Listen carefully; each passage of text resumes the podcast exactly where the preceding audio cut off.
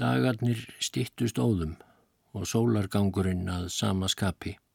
Loft hlýjindinn urðu minni og minni og nætur urðu brátt svo kaldar að ekki varð sofið á þyljum uppi. Eina tunglvana heiðskýra nótt komum við auga á Magellan skíin, stjörnuþokkur í námunda við vetrarbrautina. Það fóru að koma kulda og hörku svipur á heiminin. Við og við barst úr söður átt þung alda sem greinilega gaf til kynna hvað í vændum var. Ágætu lustendur, ég var að lesa hér úr bók eftir bandaríska reythöfundin Richard Henry Dana. Sáfættist í eh, Massachusetts árið 1815 og hann var af svo kalluðu góðu fólki Ættir hans höfðu búið lengi í Massachusetts og víðar á Nýja Englandi. Fólkið hans hafði komið vel undir sig fótunum og var víða að finna í æðstu stígum samfélagsins, ef svo má segja. Og ekki var útleitt fyrir annað en Richard Henry myndi fara sömu leið. Hann uh, fór í svo kallaða góða skóla, þar á meðal Harvard og stemdi að þér virtist beina leið í góða stöðu í ennbættiskerfinu einhver staður. Svo fórindar að hann endaði líka þar en uh, rétt fyrir tvítugt þá lagði hann likju, óvænta likju á leið sína um lífið. Henry Dana fekk nefnilega alvarlega síkingu sem leiti til þess að sjón hans tók mjög að versna. Og þá datt honum í hug að hann ætti eftir að sjá sig um í heiminum ef hann skildi nú vera að verða blindur og hugði þá til sjóferðar. Og hann fór afar óvænta leið í stað þess að taka sér fari með þægilegu farþjóðskipi til Evrópu og skoða sig þar um í róluheitum og allsnægtum eins og auður fjölskyldu hans gaf vissulega tilefni til þá riði Deina sig sem óbreyttan hásetta á flutningaskipið Pilgrim sem sigildi frá Boston, söður fyrir báðar Ameríkurnar og inn á Kirrahafið og svo allarleið norður til Kaliforníu sem þá var undir stjórn Spánverja. Deina skrifaði fræga bók um ferð sína. Hún heitir á ennsku Two Years Before the Mast og þykir mikil perla í amerískum bókmyndum 19. aldar. Þar lýsir hann ferð sinni en þessi ferðans tók alls tvö ár. Þar eru afarmerkilegir kablar sem lýsa harðaneskjunni um borð en líka stundum svo lítilli fegurð við sjómanarlífið. Og Deina lýsir lífinu í Kaliforníu og hlutskipti allþýðu fólks þar og innfætra sem Deina lísti af mikilli samúð og skilningi. Kanski ég glukki einhver tíman setna í þá kapla í bók Deina en í þessum þætti ætla ég að lesa um heimferðans þegar hann sildi á skipinu Alert sömuleg tilbaka og hann hafi komið Suður Kirrahafið að Hornhöfða sem er síðsti otti Suður Amríku og þar dró heldur betur til tíðinda.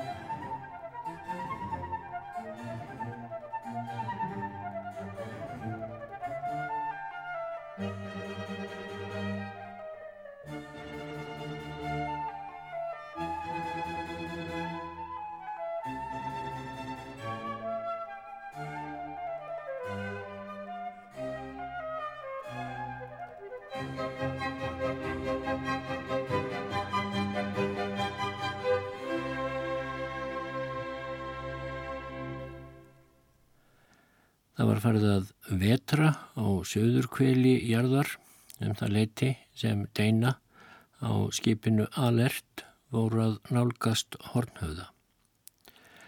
Skipstjóri á Alert hétt Thompson og hafði reynda líka verið skipstjóri á skipinu Pilgrim sem Deina hafði silt með hínaleiðina tveimur árum fyrr.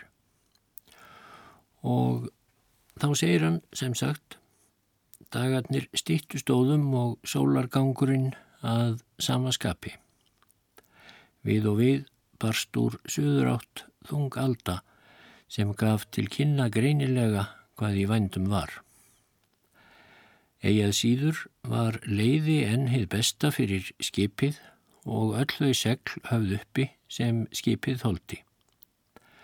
Um miðjaveikuna snerist vindur meira til söðurs. Við urðum því að beita svo sem kostur var á móti þungri undiröldu sem var því næri beint í stefnið á alert og það spáði ekki góðu hvernig skipið létti þessu sjólægi. Það var of hlaðið til þess að lifta sér léttilega upp á öldukampana og það tók dýpri og þingri dýfur er það seg niður í öldudalina heldur en góðu hófi gengdi. Fleitimagn skipsins var lamað og sjó braut inn fyrir þilfarið. Hverju sinni, þegar aflsjór, ofennju stór, reyðað kynungi þess, þá var það högg mikið og hlungur er líktist í að fallhamar lendir á staur sem verið er að reka niður, en sjórin skólaðist inn fyrir skjólborð skipsins og flætti síðan óhindraðum framþiljur. Og þegar skipið reisti sig þingslalega að framann, flætti sveljandi ágjöfin aftur eftir til hljés. Allt sem ekki var rígbundið skólaðist með. Á þessu hafði gengið allan fyrirluta dags og við sem kvíldum okkur niður í hásetta klefanum greindum gjörla hvað gekk á á þiljum uppi. Þegar við vorum kvattir til starfa um vökkuskiptin tók ég mér stöðu á stafnþiljum og skingdist framundan. Þar blöstu við kvítfekstir kólbláir öldukambarnir og endurkostuðu geyslum sólarinnar. Skipið hóf sig erfiðlega upp á tvo öldufaldana en þegar hinn þriðji reyðað, sem er þeirra mestur og íllúðlegastur, þá fann ég af mínu sjómannsbrjósti að yfir þennan sjó myndi skipið ekki megna að lifta sér. Ég hljóp því upp á brandaukastóðurinnar og náði taki á seglfokkustagnum og hóf mig á loft og í sama bili stakk skipið stefni í kólgræna holskefluna sem gekk óbrottin yfir þilfarið stafna á villi og skólaði öllu útbyrðis aftur að stórseklunni, nema stórbátnum, sem var sem betur fer ramlega festur í skorðum sínum með játnbendum og auk þess rígbundin. Þegar skipið hafði velt af sér mesta sjóflumnum þá gaf sannarlega á að líta. Eldhússkílið var horfið, kindaskílið, svínastíjan og hænsnabúrið. Þilfarið var reynd eins og nýrakaður vangi. Þó hafði þessu ekki skólað útbyrðis vegna hérna ofenju háu skjólborða. Eldhússkílið lág á kvolvi yfir austurrennuna, fjallir úr fjárgrindunum skóluðust um þilfarið og veslingskindurnar röktust um fyrir sjóflumnum, gegn drepa og óttast lignar yfir henni skindilegu breytingu sem orðin var á högum þeirra. Óðara og fært varum tilfarið þustu allir upp á þiljur til að sjá og aðtóa verksum merkin og rétt í samamund skreittist eldamadur og bylgamli skipsfélagi minn undan eldaskílinu, hóstandi og skirpandi en ómeittir. Þeim hafði leið við druknun. Er sjórin reyð yfir hafði Bilgamli verið að koma út úr eldaskílinu með kjöttróg handa mötuneyti hásettaklefans. Hann helt enn á tróginu en kjöttið okkar var farið í vegalarar veraldar. Við tókum kjöttmissinum með kallmannlegri ró og hugguðum okkur við það að káetubúar hefðum enn sárara að binda. Það hlakkaði í okkur illgirnin þegar við sáum hænsnasteikina og pönnukökurnar þeirra skólast í austurrennunni. Þetta kann ekki góðri lukku að stýra söðu sömur. En öllum var hið sama í hug. En voru um það byl þúsund sjómílur söður til hornhöfða og þó gekk þegar slíkur sjór yfir skipið. Var þessi sjógangur þó barnaleikur miða við það hafrót sem búast mátti við söður þar. Sumir ámæltu skipstjóra fyrir að þraut hlaða skipið jafn gífurlega því honum hefði átt að vera mannakunnast hvað í vendum var. Aðrir heldu því fram að vindur væri æfinlega vestlægur á hornhöfðasvæðinu að vetri til og myndi svo átt ekki verð okkur til tafar þar við hefðum þó undanhald austur um höfðan. Þegar nýður kom í hásettaklefan let Bilgamli svo ummælt að ef skútan leti svona í sjó þá væri best fyrir alla skipsöfnina að ráðstafa eigum sínum, semja sín reikningsskil og klæðast kvítri skirtu. Einn tók þetta tal ósteint upp í jónum og svaraði, þú hleypir alltaf af háska skotinu áður en hættan steðjar að helvítis uglupappiðinn. Þú hefur mist hjartaði brækurnar þegar eldaklefin kvóldið þér í austurrennuna. Þú skilur ekki glens og gaman. Hvað gagnar það að sjá allstaðar fjandan í hverju skoti og spá allt af öllu íllu? Dægin eftir var öll áhafnin látin ganga að því að skipta seglum. Gömlu seglin voru tekin burt en ný segl sett upp í staðin. Áttin helst vestlæg en sjór kyrði talsvert eftir áfallið. Okkur miðaði drjúum áfram fyrir hljéseglum og minniseglum og stemdum suður og ofurlítið austurófið. Skipstjóri hafði sem sagt haldið skipinu langt vestur í hafi þar eðan reytti sig á vestanáttina þegar komið var suður á mótsvið horn og nú þegar við vorum stattir um 5 sjómílur norðar en hornhauði er þá áttum við um 1700 sjómílur ófarnar austur aðunum. Sildum við því það sem eftir var vikunnar begja skauta byr suðaustur á bóginn. Sunnudaginn 20. júni var bjartviðri og skegni gott hafði þá skipstjóri getað mælt afstöðu bæði tungls og sólar og eftir þeim mælingum kom í ljós að við virtumst á réttri leið. Mánudaginn 21. júni var veður eins og áður og að því við hleyftum því sem næst beint undan vindi þá fundum við ekki eins mikið til kuldans og ella hefði verið en þó var greinilega að kólna.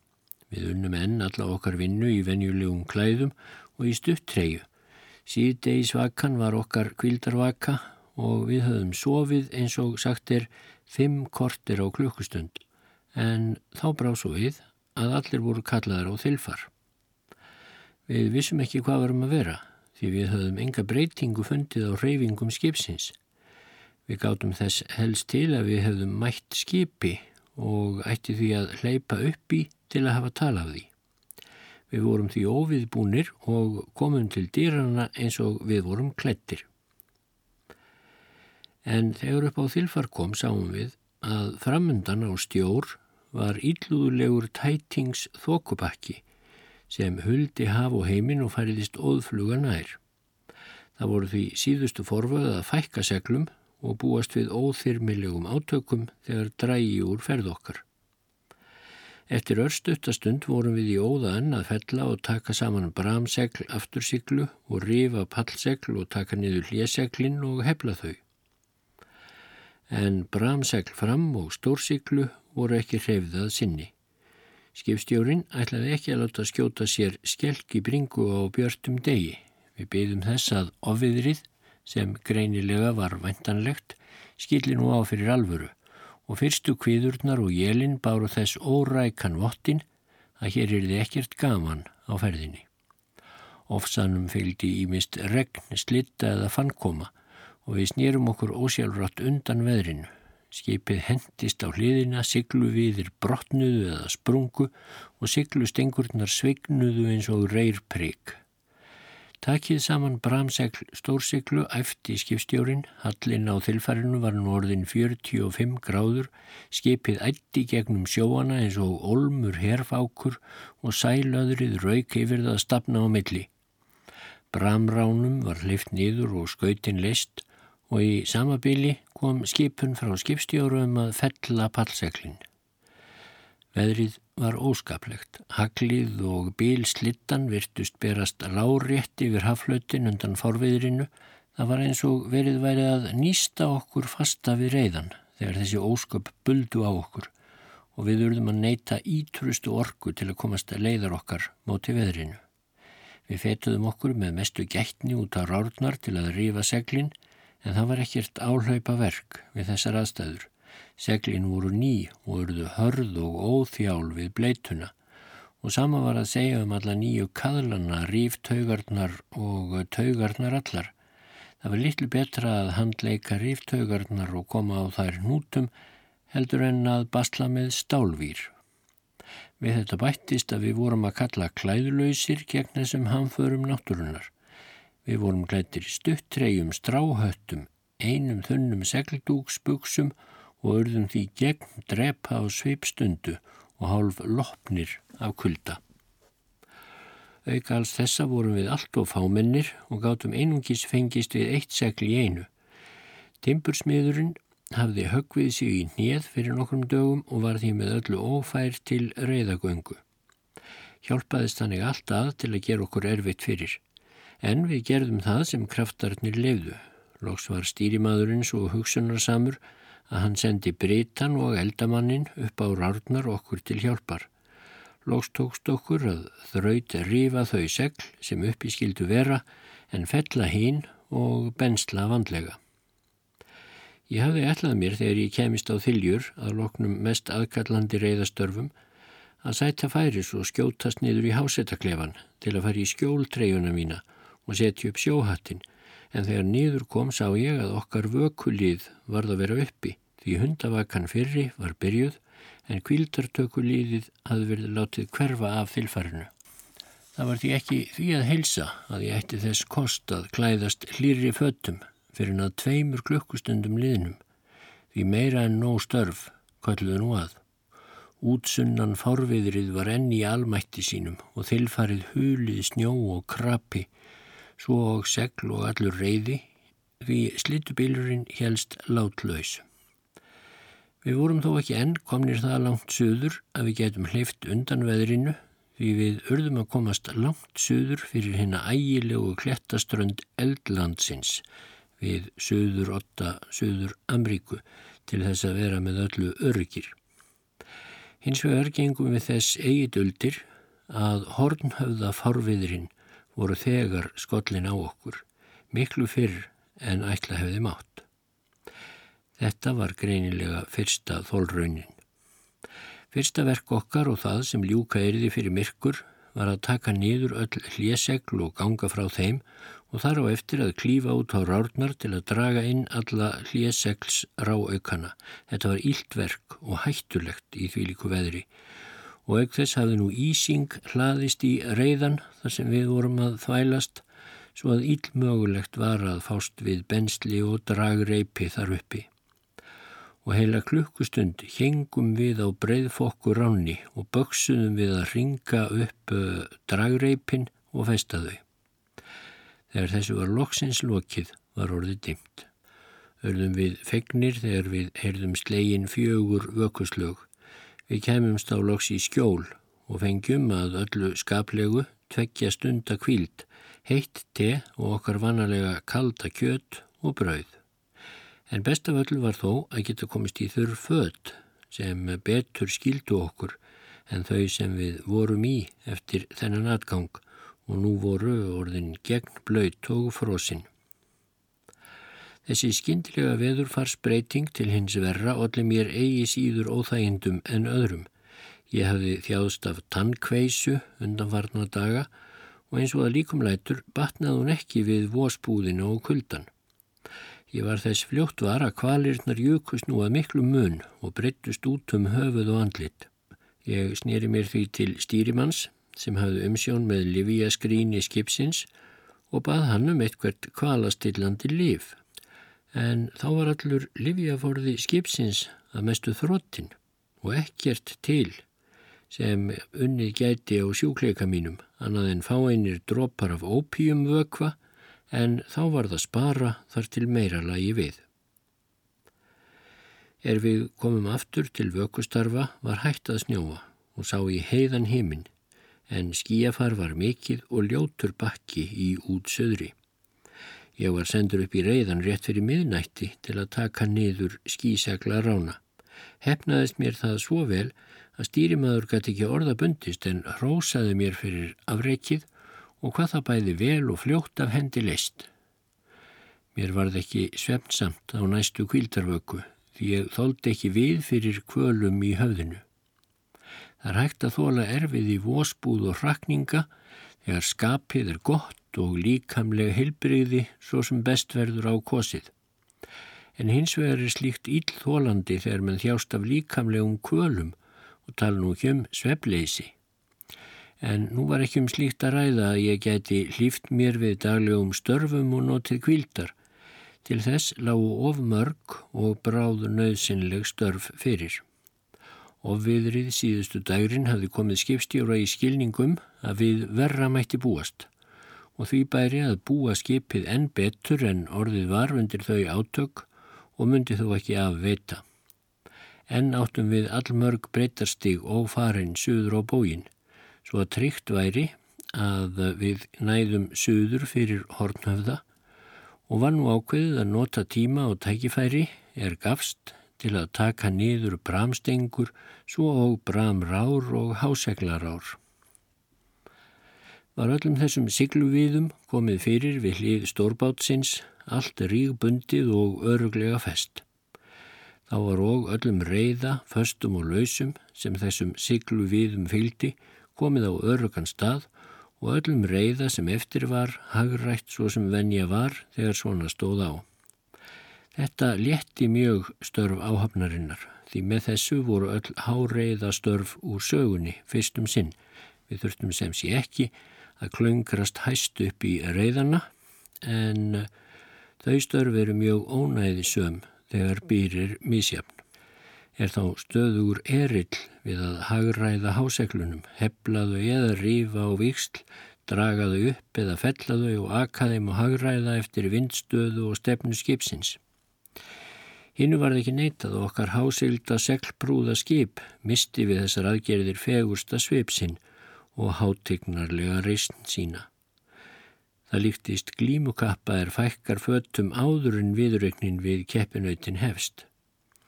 En nú lágu fyrir orustur við hafrót og hörgustorma, ríðar, bilji og hafísa á þeim istu heljarslóðum nattarins sem mannlegar verur leggja leið sína um í barátunni fyrir tilverunni.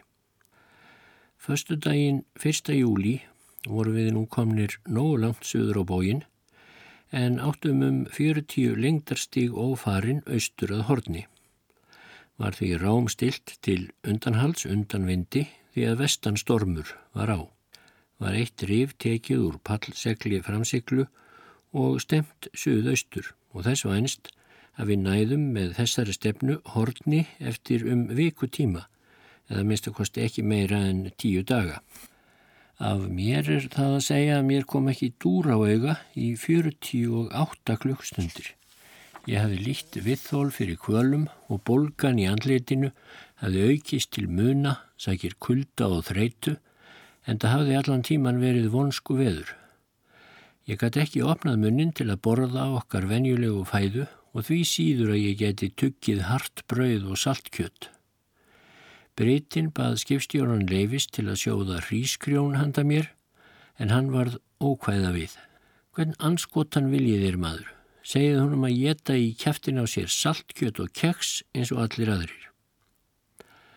Eins og gefur að skilja varð ég skipstjóra þakklátur fyrir hugulsemina eða hitt og heldur og satt að segja bjóst ég ekki við annar eins fyrirgreðslu af hans hálfu. En eigað síður var ég þó ekki hungurmorða því stýrimaður tók sig til og kom hrísgrjónum til eldamanns og skipaði honum að tilreyða þau handa mér en láta þann gamla þar að segja skipstjóran ekki koma staði. Hann var mér góður og við vorum bestu kunningir. Laugardagurinn annar júli, þennan morgun kom sól upp í heiði en sólinn var svo látt á lofti að geyslar hennar iljuðu lítið og megnuðu korki að þýða eða þurka segl nýja reyða. Þó hresti í daufa skín sólarinnar alla.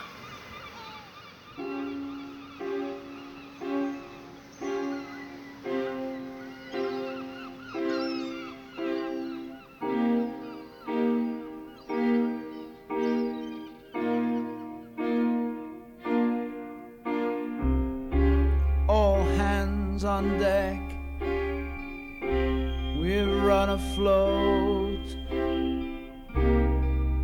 I heard the captain cry. Explore the ship, replace the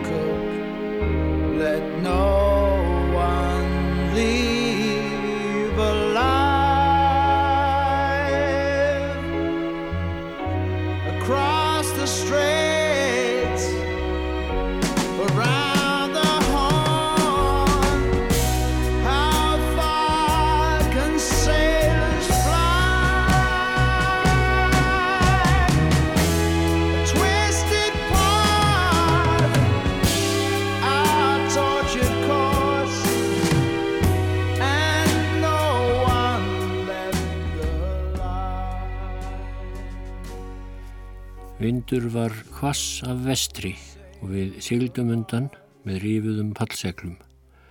Loftið hafði verið tært og svalt um morgunin en fylgist nepjur raka þegar leið á daginn. Sá sem við stýrið var sagði okkur að skipstjórun hefði haft orða á því við farþega einn að loftvóg hefði fallið mjög mikið síðan um morgunin og gæti hann ekki skýrt það með öðru en því að hafís liti að vera mjög nærri en það þótt slíkt væri vissulega mjög sjaldgeft á þessum slóðum um þetta leiti árs.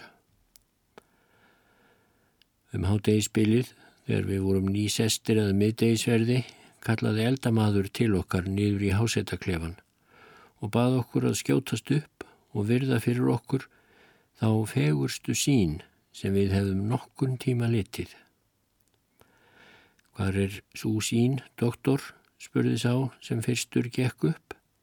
Það er síður á langferðaskipum að nefna eldamennina doktor og eldamadurinn eða doktorinn svaraði þessi sín er þarna framundan á stjórnborða og þar gaf á að líta. Í margra sjómílina fjarlægð gnæfði feikna stort ferlíki, óreglulegt að lögun, en efsta þakiði nýfallin í mjöll.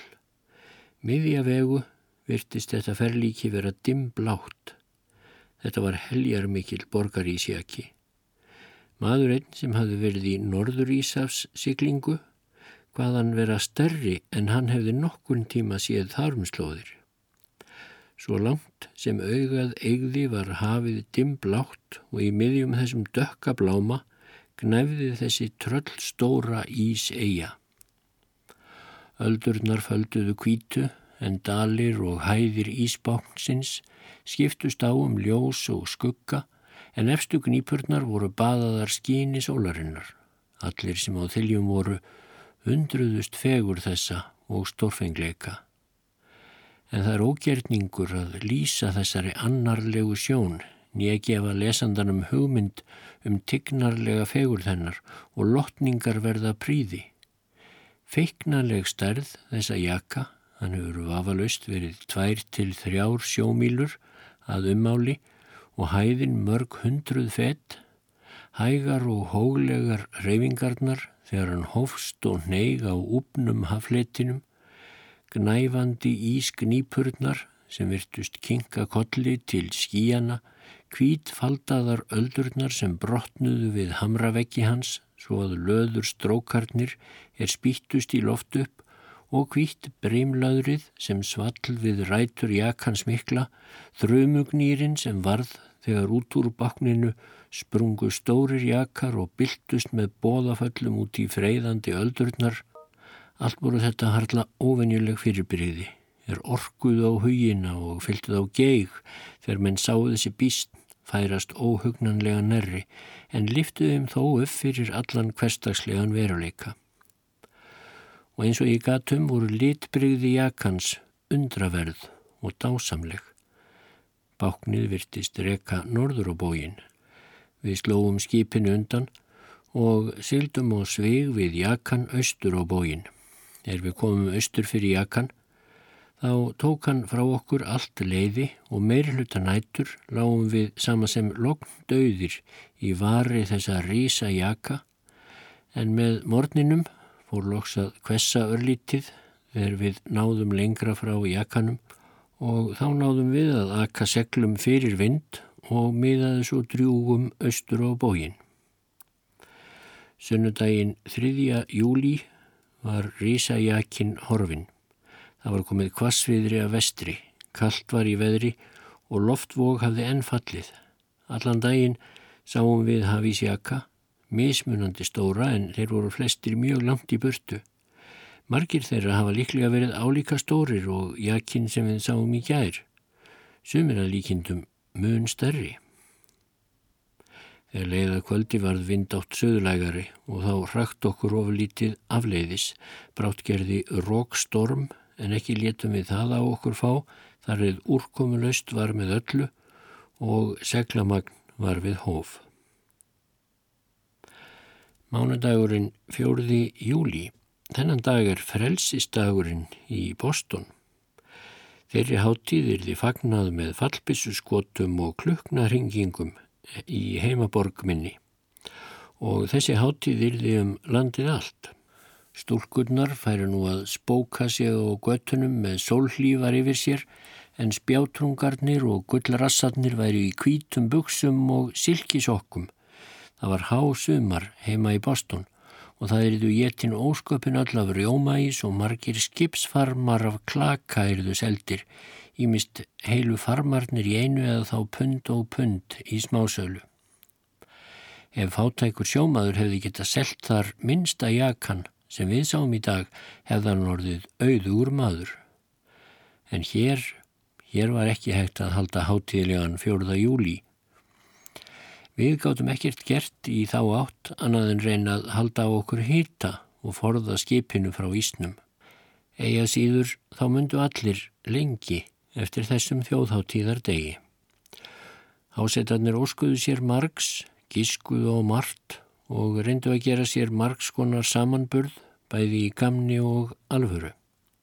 Sólinn skein skert meðan hennar nöyt en oft dró svört óveður skí fyrir sólu.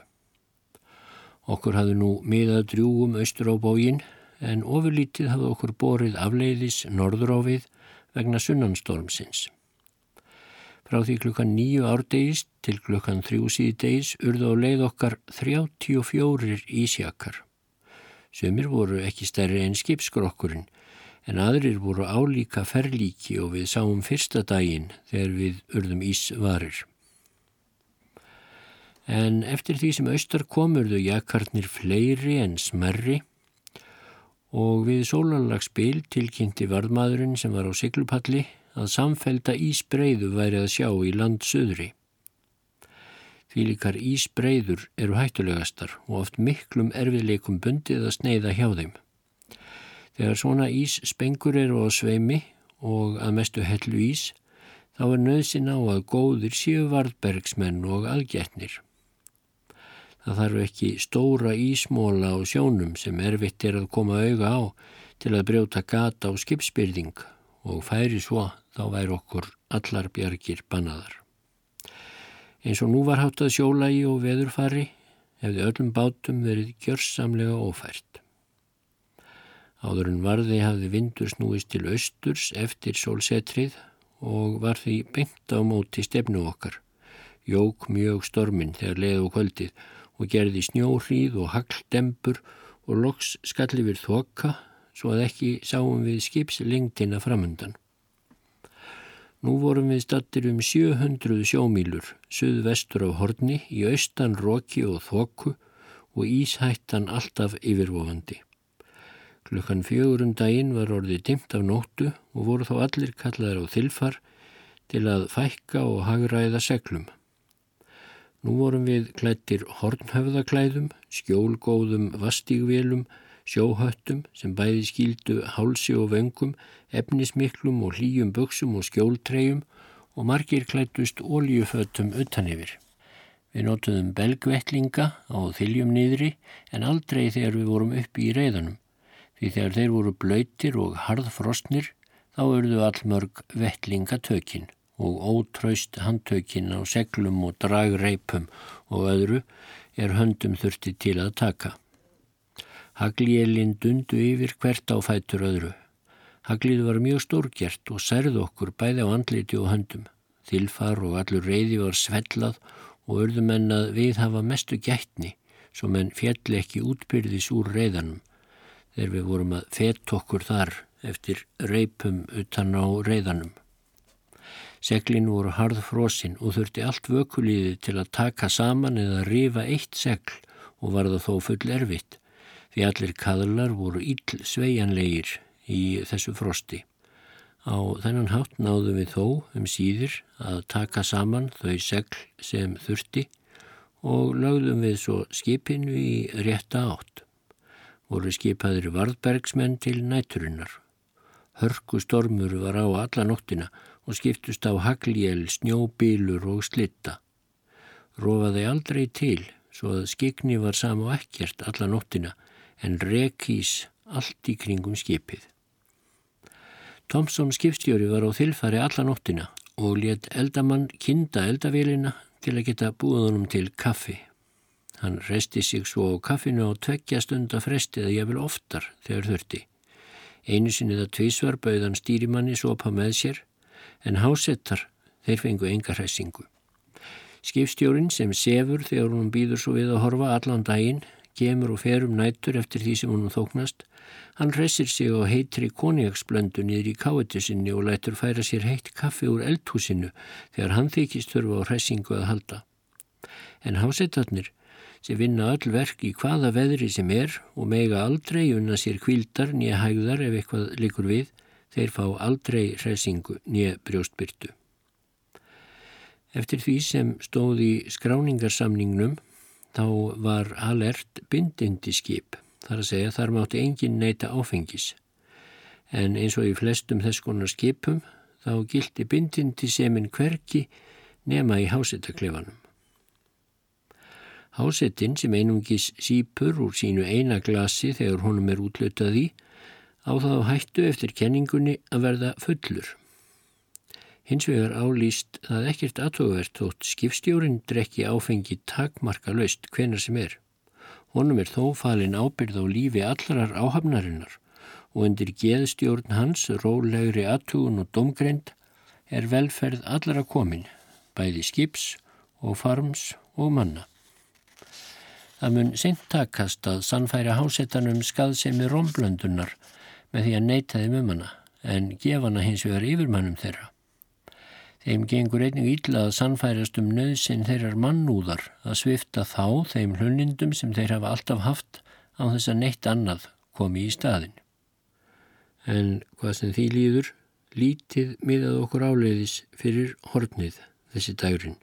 Vökulíðin stóð á Vardbergi átta tíma að nóttu til, fjóra tíma hvort lið voru þá tveir menn í stafni sinn við korn kinnung. Einn satt á miðri fokkuránni, þriðji stýrimaður stóð á stórleistarbúlkanum, tveir voru aftur á, sinn við kort slíður og einn við stýrið. Yfir stýrimaður var á þönnum fram og aftur til að líta eftir því að hann hafði með höndum stjórn skipsins þegar skipstjórn var undir þiljum. Var sífælt breytt stefnu sitt á hvað til að forðast jaka og ísspengur og seglum var ekkið eftir því. Þeir sem fránasta hafðu sjónina voru hafður á Varðbergi fram á. Kuldin og vætan hafðu slæma áhrif á sjúkleika minn og þegar hér var komið var andleit mitt orðið svo stokk bolgið að ég gætt korki í etið en ég sofið fyrir kvölum. Þessa nótt hekk ég þó á verði en þegar byrti var ástand mitt á þann veg að félugum mínum leist ekki á blikuna. Báðu þeir mig að ganga til rekju og liggja einn eða tvo daga, eða myndi þetta geta orðið langvarandi sjúkdómur og yllur viðfangs. Um vökkurskiptin gekk ég á fund stýrimanns, tók hann mér sjóhatminn og trefil og síndunum hvernig ég var orðin útleikin. Skipaðan mér nú óðara til rekju og hvað mér skildur liggja þar uns bólgan renaði. bað hann eldamann að útbúa handa mér gröytarbakstur og hvaðst myndu tilkynna þetta skipstjóra. Ég gekk til rekju og láð þar þakin ábreyðum og yfirhöfnum í heilan sólarring. Allan þann tíma lág ég í leiðslu móki en gatt þó ekki sofið rólega fyrir seiðingskvölum. Ég fyldist í hálgerðum dvala með öllu sem framfór ofanþylja en gaf því þó engan verulegan göym. Eftir sólarring línaði kvölunum svo að ég gatt þó sopnað og svafloks bæði fast og lengi en andlit mitt var svo helsárt, bólkið og viðkvæmt að ég varð að vera í rekju tvo eða þrjá sólarhinga í viðbót. Þessa daga hafði sam og engin breyting orðið á veðurfari að kvöldi þriðja dags þjettist íshrönglið að mun kringum skipið og um leið skalla á svarta þoka. Veður herti að mun af austri með slittu bíl. Það var því útlitt fyrir að þessi nóttir því bæði ónæðisum og örlagarík ef ekki er þið allt gert sem und væri til að verjast aðstæðjandi háska. Þegar myrkt var orðið kallaði skipstjóri skipshafnina aftur á og mælti svo fyrir að hver maður skildi vera á þiljum uppi þessa nótt. Hvaðan skipið vera statt í miklum háska þar hefði búast mætti við því á hverju stundu að það laskaðist eða erði ósjófært ef það rækist á ísjaka. Vel gæti farið svo að það færist um nóttina og hyrfi í hafið var svo hverju manni skipað á sinn stað þegar þeir hafðu klæðist sjóflíkum sínum. Ég heyrði hvað framfór og bjóst til að klæða mig og ganga á vörð með félögum mínum, kom þá stýrimaður niður í klefan og bannaði mér að fara á fætur. Ef skipið sikki þá yrðum við allir samferða í djúpið en kemumst við af og ég stæði uppi svona út til leikin, þá geti svo farið að ég yrði aumingi æfi langt. Þetta var fyrsta skipunin sem mér hafði borist aftanað síðan ég lagðist. Því skipstjóri hafði aldrei spurst fyrir um mig og líðan mína og því síður nokkuð fyrir mig gert. Ég fór því að ráðum stýrimanns en það verði ég að segja að slíka hörmungar nótt hef ég aldrei átt og vildi óska að ég ætti aldrei aðra slíka. Og þeim er á verði voru þessa ægilegu óveðursnótt mun hún lengi minnistæð. Það er ekkert spaug að standa á verði samfleitt í átján klukkustundir í ofsa stormi, krapa hríð og náttmyrkri, stöðugt með hugan við þá hugsun að hver stundin kynni að verða svo síðasta og áreikstur við hafísjakana kynni þá og þegar að verða og ríða skipinu að fullu. Taugarnar eru þandar til hins ítrasta en það voru flestir komnir að niður falli þegar þeir stöyluðust niður klukka nýju árdegis til að fá sér morgunverð. Sumir hnígu út á og steinsopnuðu á farkistum sínum. Aðrir voru orðnir svo styrðir af kulda og vósbúð að þeir áttu örðugt með að setjast niður. Og aldrei, allar þessar átján klukkustundir, var þessum skilduræknu varðbergsmönnum bóðin svo mikið sem einn volkur sopi, en það þótt kaffi væri hitað alla nóttina til að bera í skipstjóran. Þó hafði stýrimaður séð sér færi að stela kaffi í krús handa tveimur hásettum og hafði látið á svolkraða í sig bak við eldhússkílið og helt stýrimaður sjálfur vörð á meðan svo að skipstjóri kæmist ekki að þessari miklu ósvimni. Þegar dagur rann lingdi og með sólar uppbrás létti þókunni að nokkru og samtímis rann á vestan kaldi sem brátt varðað sterkviðri en skipstjóri skeitti þessu góða leiði í engu en skipinu var lagt í rétt sem fyrir. Þessa ráðstöfun átti skipsöfnin bátt með að skilja. Hvers vegna heldur maðurinn ekki áfram? Vindáttinn er rétt og okkur geti borið burt á tiltölulega miklum hraða. Hvað er skipstjórin að hugsa? Akkur vil hann halda sjó hér, spurðu menn. Brátt gerðist allmikill kurr með skipverjum og menn tóku að mögla alvarlega. Mannum þóttist lík vannræksla úr hófikeira að nota ekki blásandi byrinn meðan byrtan var að minnstakosti. Urðu háværa rattir um þetta í hásettaklefanum og voru margar ráðagerður uppi. Skipsöfnin var þreytt og leið og ílla á sig komin vegna vósbúðar, hríðar og kuldarrakninga menn þráðu að komast sem fyrst úr þessum hættum og veðra viti. Þetta óskiljanlega heik skipstjórans við að nota ágætt tækifæri æsti hásettana sem nú voru orðnir þjakaðir á taugum og þóldu ílla mikil geðbreyði. Sumir heldu því fram að skipstjórin var orðin hrettur, hætturnar og örðugleikarnir undanfarið hefðu bugað þrótt hans og taugar. Aðrir heldu því fram að þessi nótt hefði leikið svo illa taugar skipstjórans svo að hann hefði nú held í sig konjaki og ópíumi til að róa skapsmunina og lægi nú fyrir og fær til allra stjórnar. Timbursmiðurinn sem var greindur maður og príðilegur sjómaður hafði mikil áhrif á skoðanir skipverja.